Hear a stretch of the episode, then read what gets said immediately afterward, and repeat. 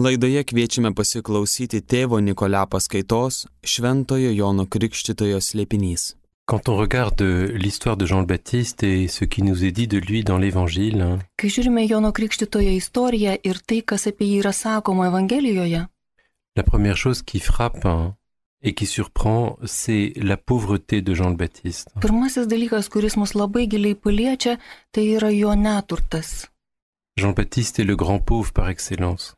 Jonas Krikštytojas yra toks tobulas neturtelis. Il est maître en pauvreté. Jis yra tarsi ne- neturto mokytojas. Ir yra nemažai vietų šventajame rašte, kurios pabrėžia šitą Jono Krikštytojo neturtą. Šitas Jono Krikštytojo neturtas yra didžiulė pamoka mūsų krikščioniškajam gyvenimui. Tas neturtas, kurį matome e, šventajame rašte, e, kalbant apie Joną Krikštytoją, yra tarsi malonės vartai mums. Ir tie vartai tai yra neturtas ir nuolankumas. Pirmoji švento rašto vieta, kurią norėčiau kartu su jumis paskaityti, ji yra Jono Evangelijos pirmajame skyriuje ir tai yra 19-23 eilutės. Toks buvo Jono liudijimas, kai žydai iš Jeruzalės atsiuntė pas jį kunigų ir levitų paklausti, kas tu esi? Jis prisipažino nesigindamas. Jis prisipažino, aš nesu mesijas. Jie ir vėl klausė, tai kasgi tu? Galilijas? Jis atsakė, ne. Tai gal tu pranašas? Jis atsakė, ne. Tada jie tęsė, tai kasgi tu, kad mes galėtume duoti atsakymą tiems, kurie mus siuntė? Ką sakai apie save? Jis tarė, aš tyrose šaukiančiojo balsas. Taisykite viešpačiui kelią, kaip yra kalbėjęs pranašas Izaijas. Yra nepaprastai įdomu ir įspūdinga matyti, kaip labai Jonas Krikštytojas priklauso nuo kito. Žmogaus tapatybė, jo kilnumas yra tai, kad jis yra pačiu savimi. Tos žmogiškosios savybės, visas tas mūsų žmogiškųjų savybių rinkinys, kuris visuomenės ak- akise tarsi mus kažkiek pakilėja ir suteikia mums tam tikrą visuomeninę reikšmę. Ir prieš didžiųjų Izraelio kunigų pasiustuosius, kurie klausinėja tarsi tardydami, norėdami išgauti kažką, Jonas Krikštytojas neatsako. Jis paneigė visas tas etiketės ir visus tuos įvaizdžius, kuriuos norėtų jam primesti. Ir tie didžiųjų kunigų pasistieji nori suprasti, kasgi yra šitas žmogus, kodėl pas jį plūsta minios žmonių. Ir jie primiktinai klausia vėl, ar tu esi Elijas, ar tu pranašas. Ir kiekvieną kartą Jonas Krikštytojas atsako ne. Jis pasidaro visiškai priklausomas. Ir visa jo misija tai yra kažkieno kito misija. Jis pats save apibrėžia kaip balsą šaukiantį tyruose. Jis netgi nėra tas žodis, kuris yra tariamas.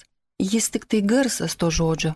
Jis tik balsas. Ir žvelgiant į tą keletą žodžių, yra įspūdinga matyti, kaip labai Jonas Krikštytojas tampa priklausomas nuo Dievo. Nuo to, kurį Evangelijos pradžioje jis pripažino, atpažino kaip Dievo vinėlį. Jonas Krikštytojas būtent per šitą savo neturtą leidžia mums suprasti, kad mūsų visų pašaukimas - būti kito liudytojais, neužimti pirmosios vietos, nebūti tais, kurie pasisavina tiesą ir šviesą, bet būti priešingai, būti tais, kurie leidžia šviesai ir tiesai praeiti per mus. Būti tokiais, kurie moka išeiti tuo met, kai Jėzus ateina, leisti jam praeiti pirmam, palikti jam praėjimą pirmam. Ir tai nėra labai lengva tokiam žmogui kaip Jonas Krikštytojas, tokiam išmintingam ir patyrusiam žmogui. Jam nėra taip paprasta padaryti, kad Jėzus auktų, o jis pats mažėtų, kad Jėzus užimtų visą vietą, o pats Jonas Krikštytojas pamažu nyktų, išnyktų. Tarsi prarasdamas savo šlovę ir savo tokią atrodančią didybę. Tam reikia nepaprastai didelio nuolankumo ir labai didelio asmeninio neturto. Et certainement un grand amour pour Jésus, Ir žinoma, labai didelės meilės Jėzui. pour accepter que, en laissant toute la place à Jésus, Tam, kad priimtum palikti tą pirmąją vietą Jėzui. on ne perd rien au change, on ne perd rien soi-même. Mes palikdami šitą vietą Jėzui, mes nieko neprarandame iš to, kas esame. Et c'est peut-être seulement là que l'on trouve sa véritable identité, Bet būtent galbūt tuo metu mes atrandame savo tikrąją tapatybę. et sa véritable dignité, ir savo tikrąjį kilnumą. ce que les envoyés du grand prêtre n'ont pas compris. Tai ko taip ir nesuprato didžiųjų kunigų pasiustieji. Il y a un autre passage qui nous indique aussi et qui insiste sur cette pauvreté de Jean le Baptiste. Yra dar viena vieta šventajame rašte, kuri mums labai gerai parodo tą Jono Krikštitojo neturtą. C'est toujours dans le- l'évangile de Jean au chapitre 3, Tai vis toje pačioje Šventojo Jono Evangelijoje trečiame skyriuje, lorsque il y a une discussion de la part des disciples de Jean kuomet e, Jono mokiniai diskutuoja, kalbasi tarpusavyje qui d'une certaine manière sont un peu jaloux de voir que toutes les foules vont vers Jésus. ir jie tarsi kažkiek tai pavydė, kad minios plūsta pas Jėzų. Donc nous allons écouter le passage. Taigi paklausykime dabar šitos vietos C'est au chapitre 3, verset 22. ir ji prasideda Švento Jono Evangelijos trečiame skyriuje 22 eilute Et nous allons lire ce passage jusqu'au verset 30. Ir baigėsi 30 eilute. Paskui Jėzus su mokiniais atėjo į Judėjos kraštą ir ten su jais būdamas krikštydino. Taip pat ir Jonas krikštijo Enone, netoli Salimo, nes ten buvo daug vandens ir žmonės ten rinkdavosi krikštytis. Tuomet Jonas dar nebuvo įmestas į kalėjimą. Tarp Jono mokinių ir vieno žydo iškilo ginčas dėl apsivalymo peigų, tad jie atėjo pas Joną ir pranešė. Rabi, Vyras, kuris buvo su tavimi anapus Jordano, kurį tu paliudijai, jis taip pat ėmė krikštyti ir visi bėga pas jį. Jonas atsakė, žmogus negali nieko pasiimti, jeigu jam nebus duota iš dangaus. Jūs patys galite man paliudyti, jog esu sakęs, aš ne mesijas, aš siūstas būti tik jo pirmtaku. Kas turi sužadėtinį, tas sužadėtinis. O sužadėtinio bičiulis, kuris stovi šalia ir girdi, džiaugte džiaugiasi jaunikio balsu. Šiam mano džiaugsmui dabar jau nieko netrūksta. Jam skirta aukti, o man mažėti. Quand un homme euh, disparaît, quand il accepte de disparaître, Kai žmogus tarsi išnyksta, kai jis sutinka kad su tuo išnykimu et qu'il considère à juste titre qu'il y a quelqu'un de plus grand que lui, ir kai jis labai teisingai nusprendžia, kad atsirado kažkas didesnis už jį, en général, il s'attache un peu à ce qu'il a fait et dit peut-être il y en a qui est plus grand que moi, mais moi au moins j'ai fait cela.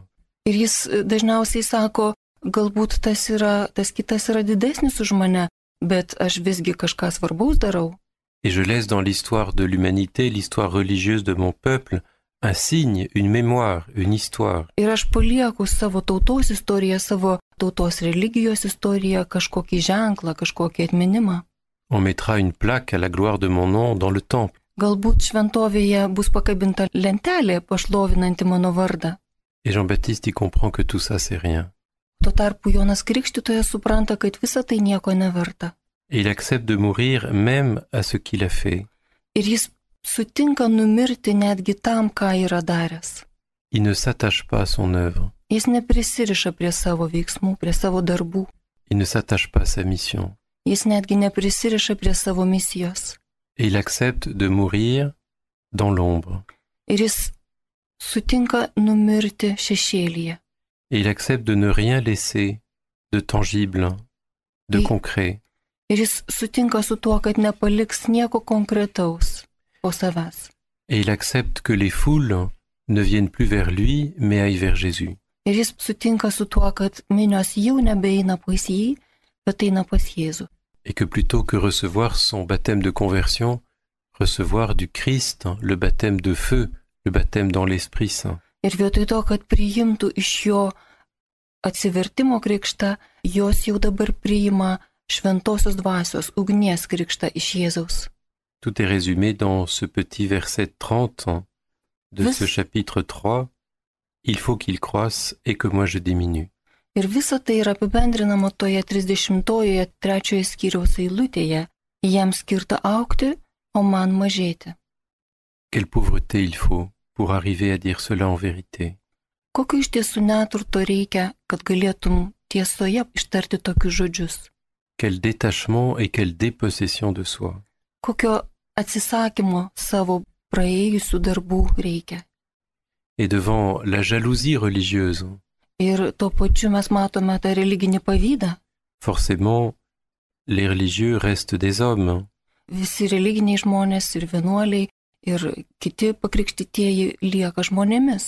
Et le succès de tel ou tel peut porter ombrage à d'autres. Ça se voit aussi, hélas, dans l'Église. Tai, tai mes galime pastebėti ir bažnyčioje. Alors, quand c'est ça, on compte ses brebis. Mes skaičiuojame visi savo avis Et quand il y a des brebis de notre bercail qui vont dans un autre bercail, ir kai pamatome savo avis einančias iš mūsų avidės į kažkieno kito avidę, on crie très fort. mes labai garsiai šaukiame. Jean-Baptiste, non seulement il accepte, mais d'une certaine manière, il encourage ses brebis à aller vers le Christ.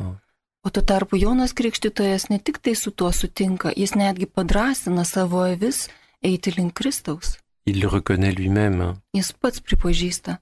Lorsque les envoyés du grand prêtre lui demanderont pourquoi il baptise, Kai didžiųjų kunigų pasistieji paklaus jo, kodėl tu krikštyji, Jean répondra Jonas atsakys. Moi je baptise dans l'eau, Jis atsakys, aš krikštyju vandeniu, mais il en est un que vous ne connaissez pas et qui vient après moi. Je ne suis pas digne de délier la courroie de ses sandales. Aš nesu vertas atrišti jam net sandalo dirželio.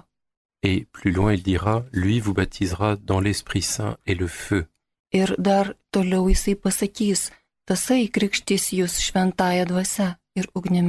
Il faut un grand amour pour dépasser la jalousie Reikalinga didelė meilė, kad galėtume pranokti šitą pavydą. et une grande pauvreté. Ir didžiulis neturtas. Il faut chercher en vérité le bien des, personnes Ir reikia iš tiesų ieškoti tų žmonių gėrio, et non pas son propre bien. o ne savo gėrio. Il faut accepter de passer la dernière place. Reikia sutikti su tuo, kad galbūt turi užimti paskutinėje vietą. de prendre cette dernière place. Ir užimti tą paskutinėje vietą. C'est peut-être pour cela que Jésus dira Jean le Baptiste est le plus grand des prophètes. Galbūt kaip tik dėl to Jėzus apie Joną Krikštytoją pasakys, Jonas Krikštytojas yra didžiausias iš pranašų, Parce que d'une manière euh, anticipée, nes iš tiesų tarsi iš anksto numatydamas, il a reçu de Jésus cette parole. jis gavo iš Jėzaus šiuos žodžius. Il y a des premiers qui seront derniers Yra pirmųjų, kurie taps paskutiniaisiais et des derniers qui seront premiers. ir paskutinieji, kurie bus pirmieji. Je me souviens de d'un vieux missionnaire Aš prisimenu vieną seną misionierių, qui avait donné sa vie pour évangéliser une région d'Afrique kuris visą savo gyvenimą paskyrė evangelizuodamas vieną Afrikos regioną et qui disait ir kuris sakė, Nous, les missionnaires, on a réussi quand on nous met dehors. Mes misionieriai, mūsų misija pasisekusi yra tuomet, kai mus išvėja iš tos vietos, į kurią atvykome. Quand on n'a plus besoin de nous. Kada išvėja gal per stiprus žodis, kada mūsų ten nebereikia. Parce que quand on n'a plus besoin de nous, ça veut dire que le clergé local est suffisamment fort. Tai reiškia, kuomet mūsų jau nebereikia, tai reiškia, kad jau vietiniai kunigai yra pakankamai stiprus. Que les prêtres et l'Église et les évêques sont capables de mener leur mission sans nous.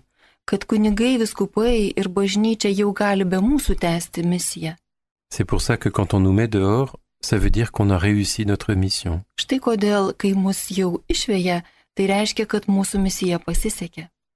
Quelle pauvreté il faut à un homme, vieux et fatigué, de comprendre qu'il doit mourir sans succès et dans l'ombre. ir jis supranta, kad turės mirti be pasisekimo atsidūrę šešėlyje, jeté à la poubelle. tarsi išmestas į šiukšlių dėžę. Et quelle grandeur d'âme il faut pour le vivre dans la paix et dans la joie. Ir kokios sielos didybės reikia, kad visą tai išgyventum ramybėje ir džiaugsme. Il faut un énorme amour pour Jésus. Tam reikia be galo didelės meilės Jėzui. Le troisième aspect de la pauvreté de Jean le Baptiste, trečias Jono Krikštitojo neturto aspektas, et c'est peut-être la pauvreté la plus forte, hein, ir galbūt tai yra pats didžiausias neturtas, et celle sur laquelle euh, j'aimerais insister, apie kurį dabar norėčiau pakalbėti, c'est lorsque Jean-Baptiste est en prison. Tai yra tuomet, kai Jonas Krikštytojas atsiduria kalėjime. Et qu'il sait, qu'il pressent que cette prison va être son tombeau. Ir jis jau nujaučia, kad šitas kalėjimas taps jo kapu. jusqu'à, comme vous le savez, que le roi Hérode aille le chercher, le faire chercher, pour que sa tête soit coupée. Iki to momento, kai karalius Erodas pasiūs jo ieškoti tam, kad nukirzdintų jam galvą. C'est dans l'évangile de Matthieu, il y a deux évangélistes qui nous parlent de ce passage, c'est Matthieu et Luc. Nous allons regarder le passage dans l'évangile de Matthieu, c'est du, vers- du chapitre 11 à partir du verset 1, et nous allons lire le texte jusque au verset 8. Vous trouvez la référence aussi dans Luc, c'est au chapitre 7, verset 19. Mais nous allons lire Matthieu. Du evangelistai kalba apie šitą istoriją, apie Jono Krikštito istoriją kalėjime ir mes žiūrėsime į vieną iš jų, tai yra Mato Evangelija 11 skyrius, nuo 1 iki 8 eilutės, taip pat ir evangelistas Lukas kalba apie tą patį dalyką ir jeigu jūs norėtumėte, tai jūs galėtumėte rasti šitą istoriją Luko Evangelijos 7 skyriaus 19 eilutėje. Dabar mes paskaitysime Mato Evangelijos ištrauką. Baigęs nurodymus dvylikai mokinių, Jėzus iškeliavo mokyti ir skelbti Evangelijos kitose miestuose. Jonas išgirdęs kalėjime apie Kristaus darbus, nusintė savo mokinius jo paklausti. Ar tu esi tas, kuris turi ateiti, ar mums laukti kito? Jėzus atsakė, keliaukite ir apsakykite Jonui, ką čia girdite ir matote. Aklieji praregi, raišieji vaikščioja, raupsotieji apvalomi, kurtieji girdi, mirusieji prikeliami, vargdienėms skelbiama geroji naujiena. Ir palaimintas, kas nepasipiktins manimi. Jiems nueinant, Jėzus ėmė kalbėti minioms apie Joną. Ko išėjote į dykumą pasižiūrėti? Ar vėjo linguojamos nendrės? Ir ko išėjote pamatyti? Ar švelniais drabužiais vilkinčio žmogaus? Švelniais drabužiais vilkintys gyvena aure karaliaus rūmose. Tai kogi išėjote? Ar pamatyti pranašo? Taip sakau jums, ir daugiau negu pranašo. C'est impressionnant de voir euh, dans ce texte la pauvreté de la foi de Jean-Baptiste. Yra įspūdinga matyti Jono Krikštitojo tikėjimo neturtą šitoje Evangelijos vietoje. qui nous fait comprendre ce qu'est le mécanisme de la foi de notre intelligence. Ir tas neturtas ir šita vieta leidžia mums pamatyti mūsų proto veikimo principus.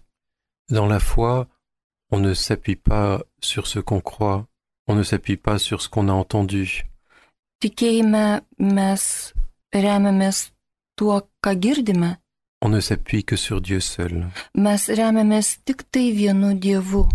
Il y a dans la question de Jean le Baptiste Šitame Jono Krikštitojo klausime la manifestation de la, de la pauvreté de la foi. pasireiškia tikėjimo neturtas. Dans la foi, je mendie à Dieu Tikėjime aš maldauju Dievo. la force de pouvoir adhérer Tos jėgos galios à la vérité que Dieu est lui-même. Susijungti su tiesa, kuri yra pats Dievas. Mais je mendie cette lumière à Dieu dans la nuit. Ir aš maldauju šito šviesos, būdamas naktyje. On voit dans cette question que Jean-Baptiste ne s'arrête pas à ce qu'il pense ou à ce qu'il croit, Matome iš šito klausimo, kad Jonas Krikštytojas nesustoja ties tuo, ką jis galvoja, ar tuo, ką jisai tiki. il est pauvre même de sa foi. Jo netgi tikėjimas yra neturtingas. Et il attend que Jésus lui-même lui dise qui il est. Ir jis tiesiog laukia, kad Jėzus pats pasakytų, kas jis yra. Il s'appuie uniquement sur ce que Jésus répondra Ir jis remiasi tik tai tuo, ką Jėzus jam atsakys. pour adhérer dans la nuit et la pauvreté de son intelligence Kad jis galėtų savo proto naktyje ir neturte à Dieu qui se révèle. susivienyti su Dievu, kuris apsireiškia. Lorsque les grands prêtres sont venus par leurs envoyés questionner Jean le Baptiste, hein, ce n'était pas pour chercher la vérité, c'était pour euh, empêcher Jean le Baptiste hein, d'avoir euh, trop d'importance vis-à-vis de la foule et du peuple.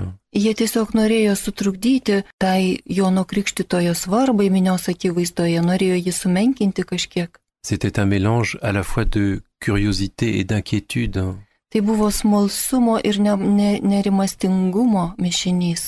La question de Jean-Baptiste à Jésus est d'un tout à fait autre ordre. Toute l'intelligence de Jean le Baptiste est suspendue à la réponse de Jésus.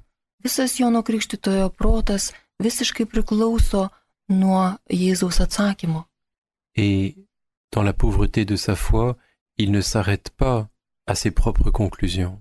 Būdamas visiškai neturtingas savo tikėjimu, jis nesustoja ties savo pačio išvadomis. Il s'en remet entièrement Jis visiškai atsiduoda à ce que Jésus répondra. tam, ką Jėzus jam atsakys. Il a une immense confiance même dans son intelligence. Jis nepaprastai visiškai pasitikė, net ir savo proto atžvilgių pasitikė Jėzumi. À ce que Dieu dit de lui-même. Et c'est impré- impressionnant de réaliser cela. Jean-Baptiste non seulement est pauvre de ce qu'il est lui-même,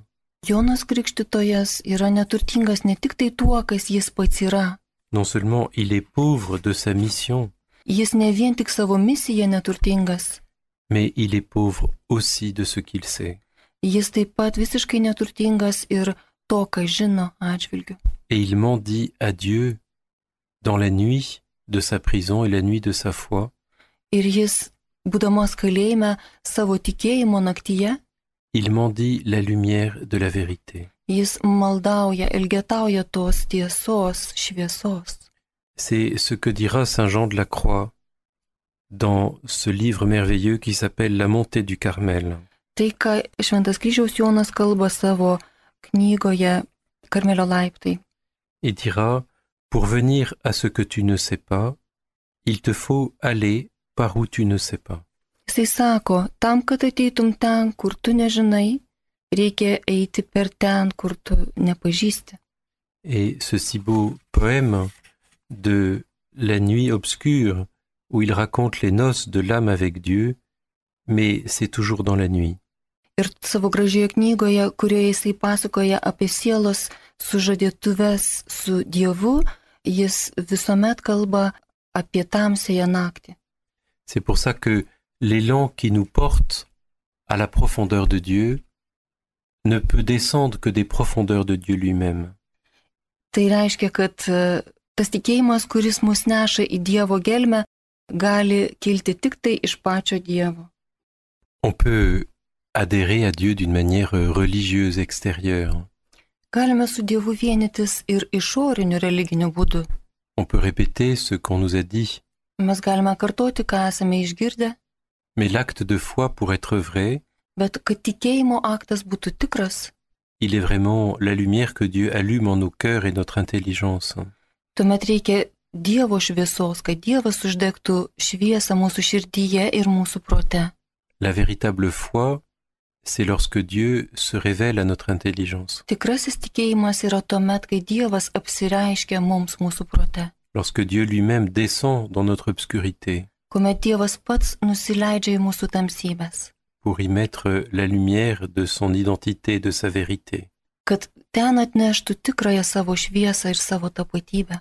C'est pour ça que dans l'acte de foi, l'intelligence doit être pauvre, profondément pauvre.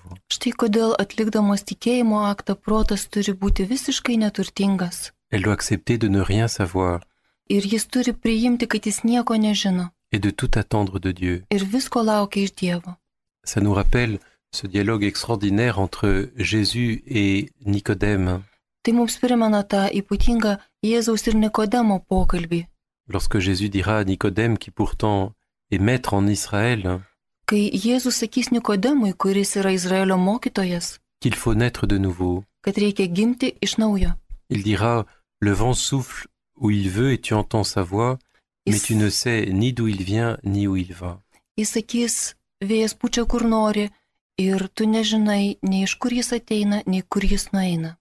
Et dans la foi, il faut cette nouvelle naissance. Ir tikėjimui reikalingas naujas gimimas. Il faut s'appuyer non pas sur ce qu'on sait ou sur ce qu'on a appris, Reikia remtis ne tuo, ką jau žinome, ar tuo, ką išmokome. il faut s'appuyer sur Dieu lui-même, Reikia remtis pačiu Dievu. en tant qu'il nous révèle sa vérité.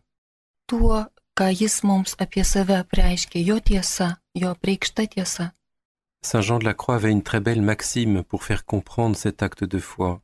Šventasis kryžiaus Jonas nepaprastai gražiai yra pasakęs būtent apie tai, ką ką tik kalbėjome. Il disait cela dans le cantique spirituel. Dvasinėje gesmėje jisai sakė štai ką.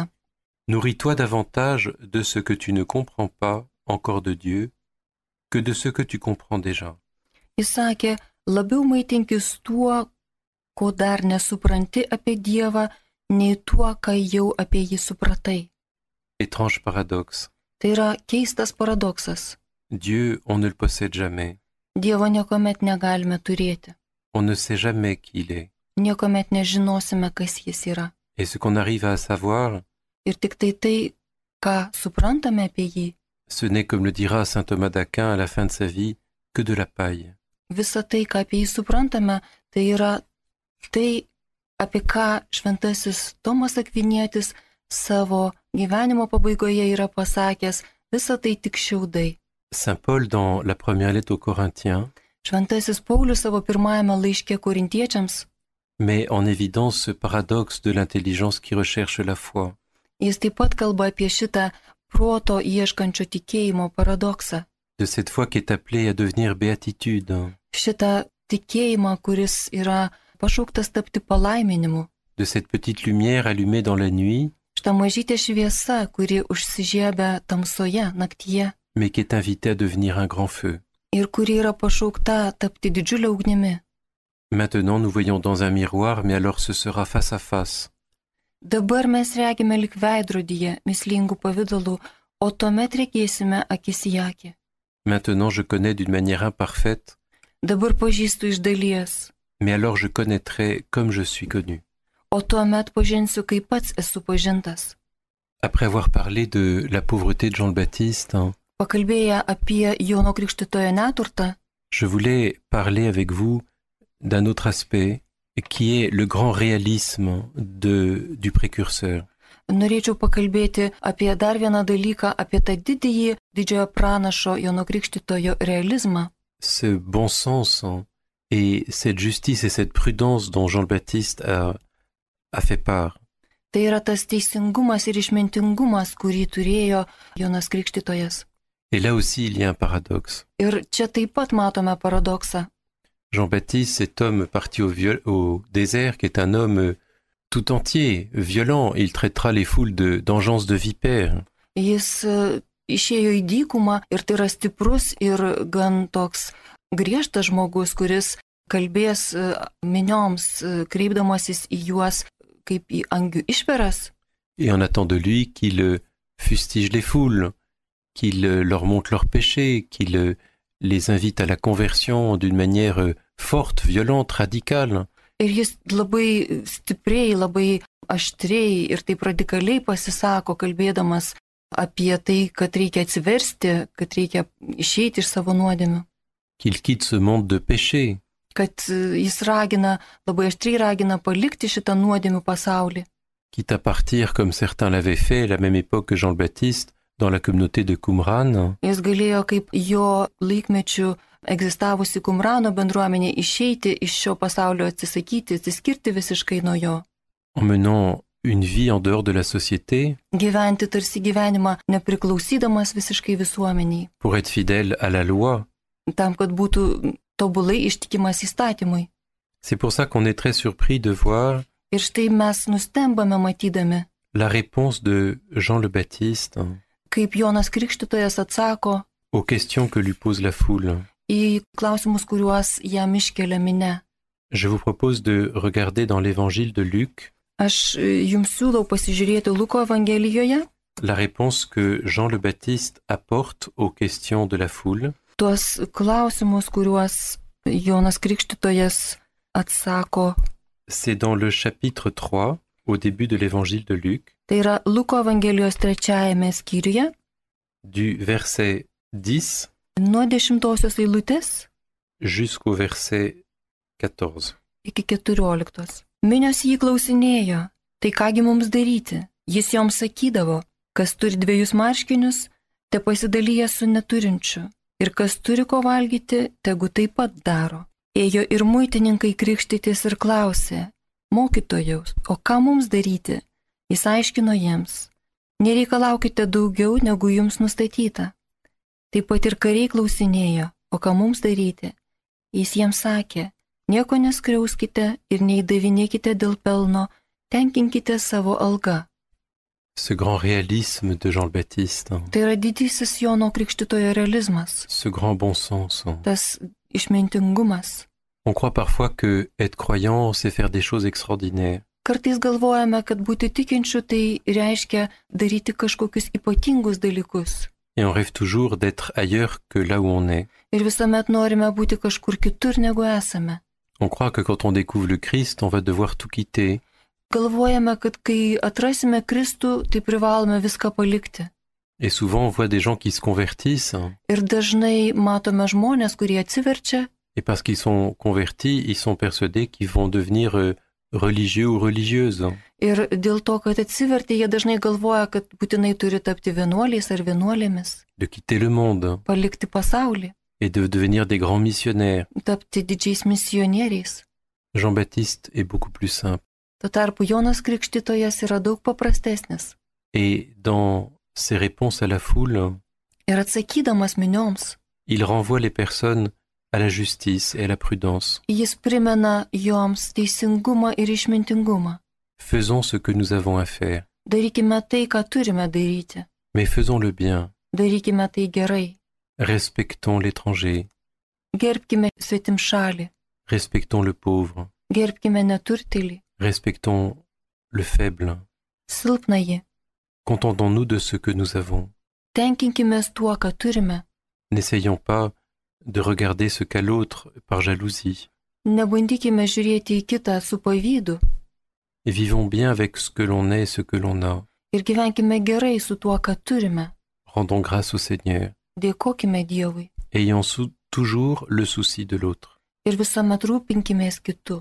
Être chrétien, ce n'est pas faire des grandes choses extraordinaires, Būti krikščioniu tai nereiškia daryti kažkokius ypatingus dalykus. c'est faire avec amour les choses les plus ordinaires. Tai yra daryti pačius kasdieniškiausius dalykus su meile. Il y a un grand réalisme dans la vie chrétienne, Krikščioniškame gyvenime yra didžiulis realizmas, une grande simplicité didžiulis paprastumas, qu'on doit trouver dans notre quotidien le plus banal. kurį turime surasti pačioj banaliausiai savo kasdienybei. Jean-Baptiste, il est un peu comme Saint Joseph. Jonas Krikštytojas šituo yra labai panašus į šventąjį Juozapą. Il est l'apôtre du quotidien et de la simplicité. Jis yra to paprastumo ir kasdienybės kunigas. Il nous invite à épouser l'épaisseur de notre humanité, Jisai tarsi mus kviečia priimti savo kasdienio gyvenimo sunkumus et à le regarder comme un chemin de sainteté, ir žiūrėti į juos kaip į šventumo kelią. à ne pas chercher d'abord un ailleurs, un autre monde, une autre réalité que la nôtre, Neieškoti pirmiausia kitos realybės, kito pasaulio, kuris labai skiriasi nuo mūsiškojo.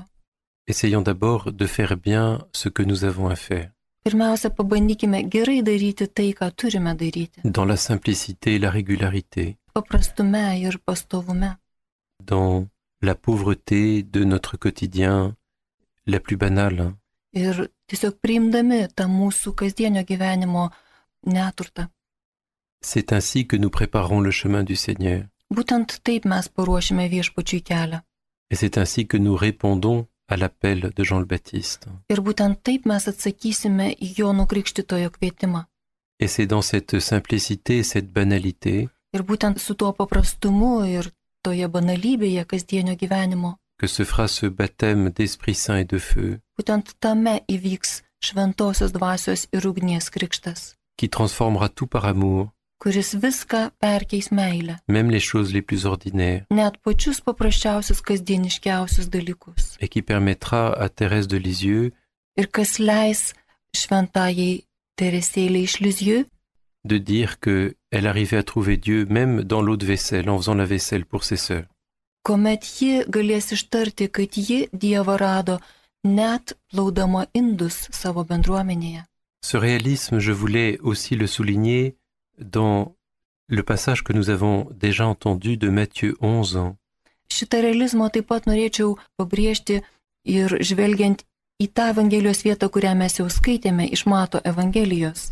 Lorsque Jean-Baptiste, dans la nuit de sa foi et de sa prison, envoie des envoyés demander à Jésus qui il est, Komet e, Jonas Krikštytojas, būdamas e, naktyje savo kalėjime, siunčia pasintinius pas Jėzų paklausti, kas jis yra. la réponse de Jésus est étonnante. Ir Jėzaus atsakymas yra stebinantis. Il aurait pu répondre à Jean le Baptiste, Jis galėjo atsakyti Jonui Krikštytojui. Tu m'as désigné comme l'agneau, Tu apie mane pasakėjai kaip apie Dievo avinėlį. Je suis le Messie, je suis le Fils de Dieu. Aš esu Mesijas, aš esu Dievo sūnus.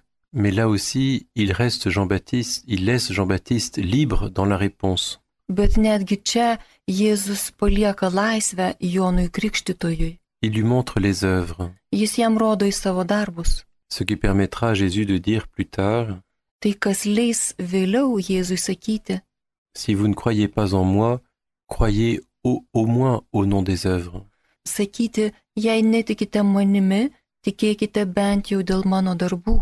Et à travers les œuvres et les miracles qu'il accomplit, Ir per tuos darbus ir stebuklus, kuriuos jis yra padaręs, il invite Jean le Baptiste à répondre par un oui dans l'obscurité de sa foi. jis kviečia Joną Krikštytoje atsakyti savo tikėjimo tamsoje, atsakyti taip. Cette réponse de Jésus est très importante. Šitas Jėzaus atsakymas yra labai svarbus, parce qu'elle nous fait comprendre que l'Église ou que la communauté que nous formons témoigne du Christ, non pas forcément d'abord dans ce qu'elle affirme d'elle-même, Tai leidžia suprasti, kad bažnyčia, kurioje gyvename, liudija Kristų. Non pas dans le dire, mais beaucoup plus dans le faire, non pas dans ce qu'elle affirme, mais avant tout dans ce qu'elle témoigne de bonté elle-même. ne. Et je pense que cela est vraiment une question pour nous, nous qui cherchons bien sûr à faire en sorte que la foi et l'évangile soient mieux connus,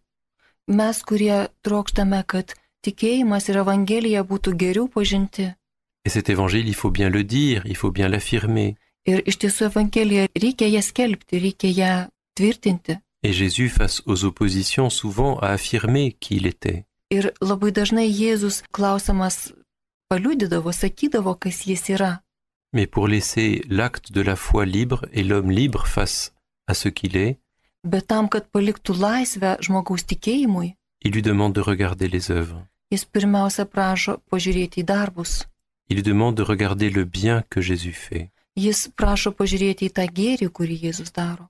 Et pour nous, l'Église aujourd'hui, Ir mums šiandienos bažnyčiai nous devons souvent nous poser cette question. mes taip pat turime dažnai savęs paklausti, Comment témoigner du Christ kaip liudyti Kristų, Comment annoncer son règne? Kaip jo karalystę skelbti? N'est-ce pas en témoignant de cette bonté, Ar iš tiesų liudijant šitą gėrį, šitą gerumą, du souci des plus abîmés, des plus pauvres, ar iš tiesų liudydami savo rūpeščius silpnaisiais ir vargingaisiais, l'Église, elle doit avoir ce souci de tous ceux qui sont exclus. bažnyčia visuomet turi rūpintis tais, kurie yra atstumti. Et elle doit montrer cet amour justement vis-à-vis de ceux qui en général sont rejetés, exclus. Ir ji visuomet turi turėti rūpesti tais, kurie yra atstumti iš bendruomenės. Jean- Jean-Paul II dira que c'est la valeur d'une civilisation. Ce qui fait la valeur d'une civilisation, ce n'est pas ses actes prodigieux, ses réalisations temporelles extraordinaires, mais la valeur d'une civilisation, c'est justement ce qu'elle fait de ceux qu'en général on cache et on met d'une manière marginale dans des prisons ou des asiles.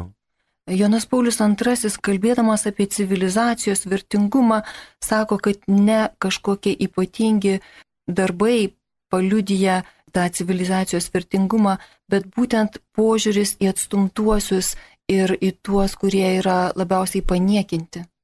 Et qu'au fond, le témoignage de l'Église sera beaucoup plus de témoigner de la bonté du Christ pour toute l'humanité. Ir bažnyčios liudijimas visų pirma turi būti Kristaus gerumo liudijimas. Elle peut affirmer, et elle le doit, la foi qu'elle reçoit de Dieu. Bažnyčia turi privalo liudyti tikėjimą, kurį gauna iš Dievo. Et elle doit utiliser les moyens les plus modernes pour cela. Ir turi tam naudoti pačias šio laikiškiausias priemonės. Mais ce n'est pas forcément là où elle sera la meilleure. Bet nebūtinai tuo ji bus geriausia. Elle risque d'être rapidement dépassée par les sectes qui sont en général plus riches et mieux organisées. Jeigu ji remsis tik tai šitomis priemonėmis, tuomet ji rizikuoja labai dažnai būti pralenkta sektų, kurios dažnai yra daug geriau organizuotos ir naudoja daug geresnės priemonės. En suivant l'exemple du Christ, Sekdami Kristaus pavyzdžių, elle témoignera sans doute davantage de cette vérité bažnyčia daug daugiau pasieks liudydama tiesą, en témoignant de la bonté de Dieu liudydama Dievo gerumą pour chaque être vivant. Et en étant cette présence aimante buvimu, pour les êtres les plus abandonnés et exclus de notre monde.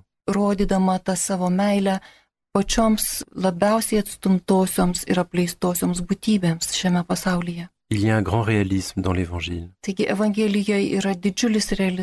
Qui nous rappelle sans arrêt que la vie chrétienne est d'abord un mystère d'incarnation. Kuris mums nuolat primena, kad tikėjimas e, yra įsikūnyjimo tikėjimas et que nous devons réaliser, incarner dans notre vie ir kad mes turime realizuoti, įkūnyti savo gyvenime la vie de la grâce que nous avons reçue gratuitement. malonės gyvenimą, kurį veltui dovanai gavome.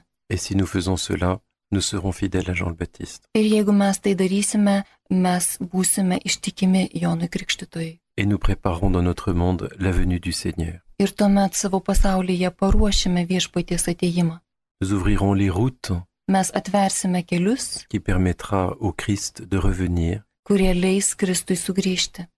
Laidoje klausėtės tėvo Nikolio paskaitos Šventojo Jono Krikštitojo slėpinys.